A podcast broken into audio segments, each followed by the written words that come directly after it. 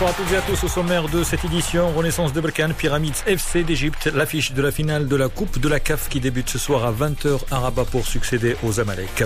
Coutinho, blessé à la cuisse gauche et incertain pour le match Juventus-Barça en Ligue des Champions mercredi prochain. Cela intervient 24 heures après la défaite face au Real Madrid. Formule 1, Lewis Hamilton remporte le Grand Prix du Portugal et s'adjuge le 92e succès de sa carrière. Il dépasse le légendaire Schumacher.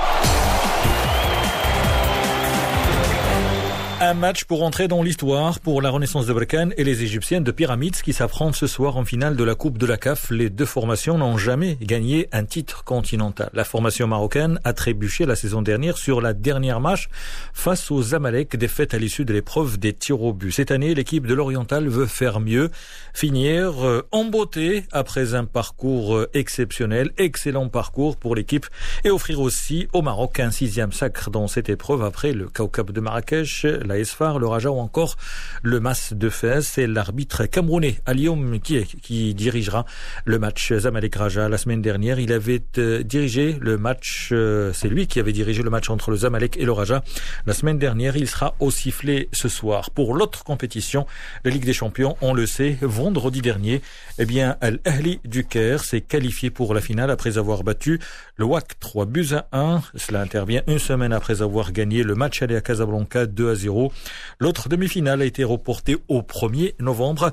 Le Rajat se déplacera au Caire pour affronter le Zamalek. Le Zamalek qui a gagné la première manche à Casablanca sur le score d'un but à zéro. Le Maroc encore, l'Ittihad de Tanger a reporté la reprise de ses entraînements qui étaient prévus demain, lundi.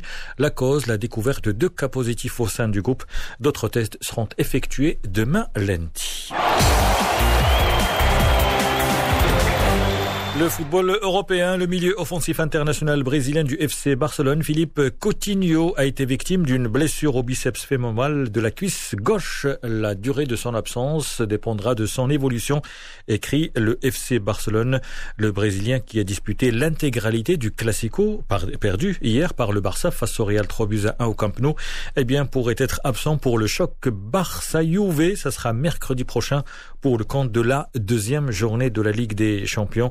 Le Barça et la Juve ont gagné leur premier match dans cette épreuve. En Angleterre, Everton a subi sa première défaite de la saison, défaite cet après-midi face à Southampton, 2 à 0 à l'occasion de la sixième journée. Everton reste en tête du classement avec le même nombre de points que Liverpool, mais Everton dispose d'une meilleure différence de but, plus 5 contre plus 1 pour Liverpool. Mais Aston Villa, troisième avec un match en moins, pourrait passer en tête en cas de victoire. En Allemagne, Wolfsburg a signé sa première victoire de la saison en Bundesliga après avoir battu Arminia Bielefeld à l'occasion de la cinquième journée. Le Bundesliga dominé bien sûr par le Bayern Munich. Le score du week-end a été enregistré aux Pays-Bas. L'équipe de l'Ajax d'Amsterdam a humilié Vélo sur le score de 13 à 0. Bien entendu, l'ancien record appartenait à l'Ajax d'Amsterdam, toujours aux Pays-Bas. C'était en 1972 après avoir battu Vitesse Arnhem sur le score de 12 buts à 1.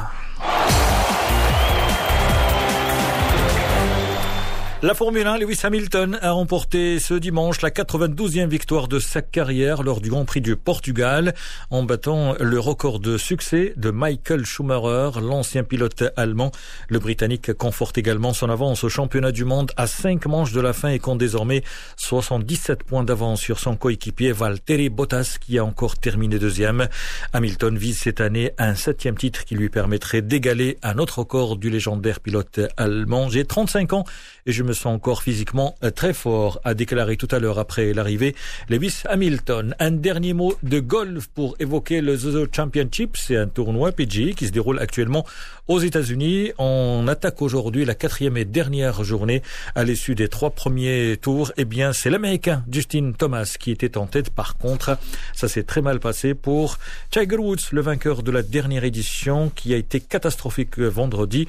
Samedi, ça allait un peu mieux vendredi et puis hier, euh, ça a été encore difficile pour l'ancien numéro 1 mondial. C'est la fin de cette édition. Merci de votre fidélité. Excellent début de soirée à l'écoute de Média.